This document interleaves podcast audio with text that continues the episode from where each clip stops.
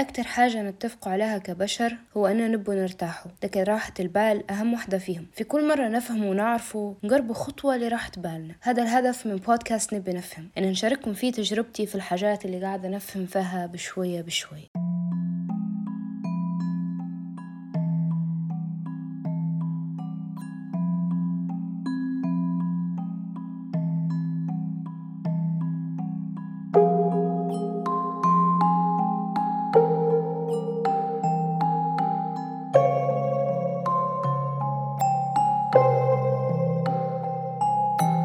الحلقة اللي فاتت دويت على اختبار اسمه ال DISC. اختبار شخصية يورينا أربع أنماط موجودة هلبة عند الناس.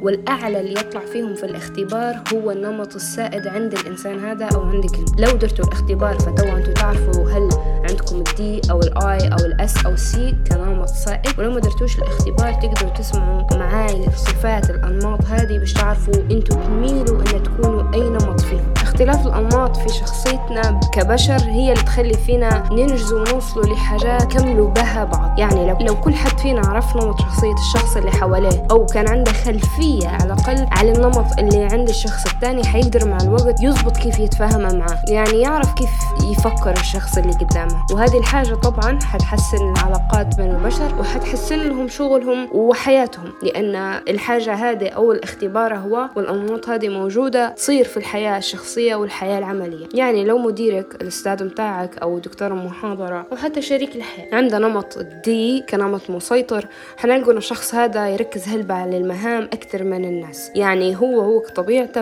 عنده تركيز إنه ينجز بالدرجة الأولى وإنه يكمل كل شيء عليه وأهم حاجة إن الدقة مش تبع أولويات. فيشبح في الصورة الكبيرة متاع أي حاجة تجي قدامه ومش التفاصيل. يعني لو أنت شخصيتك تساعد عليها نمط ضي حنلقوك آه يهمك هلبة إنك تفوز وتهمك المنافسة تنشط فيك يعني. أولوياتك إن تاخذ التحدي وتنجز فيه والناس في العادة يوصفوا فيك بإنك أنت واضح وعندك دوافع قوية وإصرار كبير. واحدة من أهم مخاوفك إن أي حد يستغل مهاراتك. ممكن يكون عندك مشاكل في إن ديما تدوي بكل وضوح على الحاجات اللي حواليك. أكتر حاجتين لو عندك نمط ال D كنمط سائد محتاج تتحسن فيهم هو الصبر وإنك تفكر في الناس أكتر من المهمة أو الشغل اللي عندك. ولو الشخص اللي حوالينا نمط ال I أو ال influencer مسيطر عليه يعني المؤثر تلقوا عنده قابلية إنه يأجل الشغل والمهام اللي عليه باش يتواصلوا مع الناس اللي حواليه. مش لأنهم يحبوا الدور لأن هذه أولوياتهم أو هم اللي يقدروا فيه. تركيزهم الأساسي يعني على الإنسان مش الإنجاز. لكن طبعا النوع هذا معروف هلبة إنه هو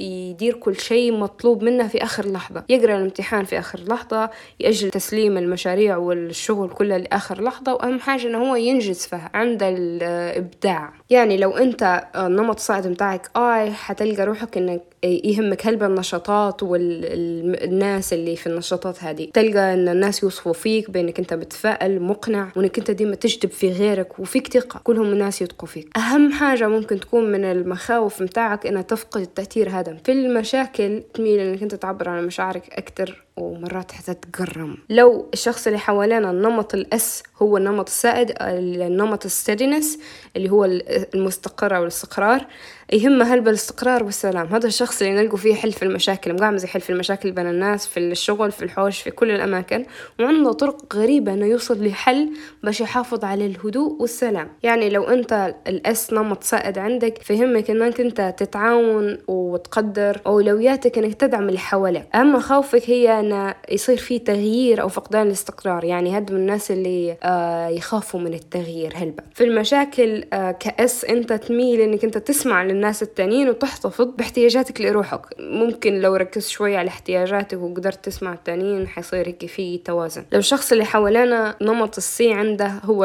المسيطر. النمط هذا نلقوه شخص مركز هلبة ودقيق هلبة وشغل في دماغه هلبة. التفاصيل تهمه بدرجة كبيرة. جو لما احكي لك على قصة لن دوخ من ورا التفاصيل متاعها. يعني لو انت ال C هو النمط السائد متاعك مهم هلبة عندك انك انت تتعلم وتوري الخبرات متاعك. وإن تدير فيه تدير شغل الجو تمليحة أولوياتك إنك تكون دقيق جدا. يوصفوا فيك الناس بإنك أنت تحلل هلبة أو حذر هلبة أو دبلوماسي هلبة في احتمال تكون هذا النمط السائد في شخصيتك. في المشاكل كنمط C تركز على المنطق والحقائق أكثر فوائد الاختبار هذا هو أنه هو يعلم من الوعي الذاتي متاعنا. يعني تبدأ كشخص عارف روحك وعارف كيف تفكر وعارف نوع الشخصية متاعك آه ويحسن تعاملك مع نفسك أول حاجة لما تبدأ أنت عارف أن أنت هيك تفكر فمعش تجلد ذاتك في كل مرة تدير حاجة مش من آه نقاط القوة متاعك. آه يحسن من الاختلافات وسوء التفاهم وهذه حاجة أنا شخصيا جربتها. خليك تفهم الشخص الثاني كيف قاعد يفكر فيقلل من حدة الاختلافات. أهم حاجة ينقص من إن إحنا نحكم عليه غيرنا وإن نقولوا إن لا الشخص لو مفكرش زينا معناها هذا شخص غلط أو شخص مش كويس أو هيك. ونعرفوا إن اختلافنا كبشر هو اللي مخلينا متميزين. نوع شخصيتك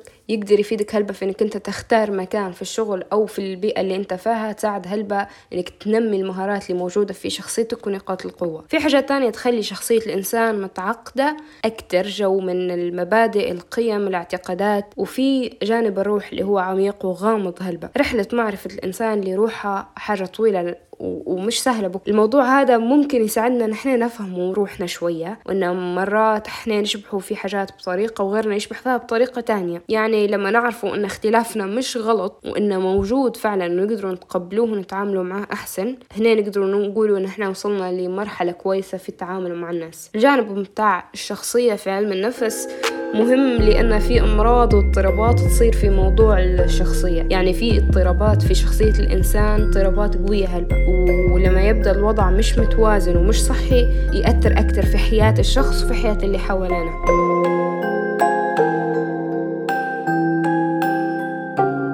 وهذه كانت حلقة اليوم من بودكاست نبي نفهم. يا رب تكونوا فهمتوا معي وتعلمتوا معي لأن تعلمت على شخصية الإنسان وعلى ال DISC personality test نلتقي في حلقة تانية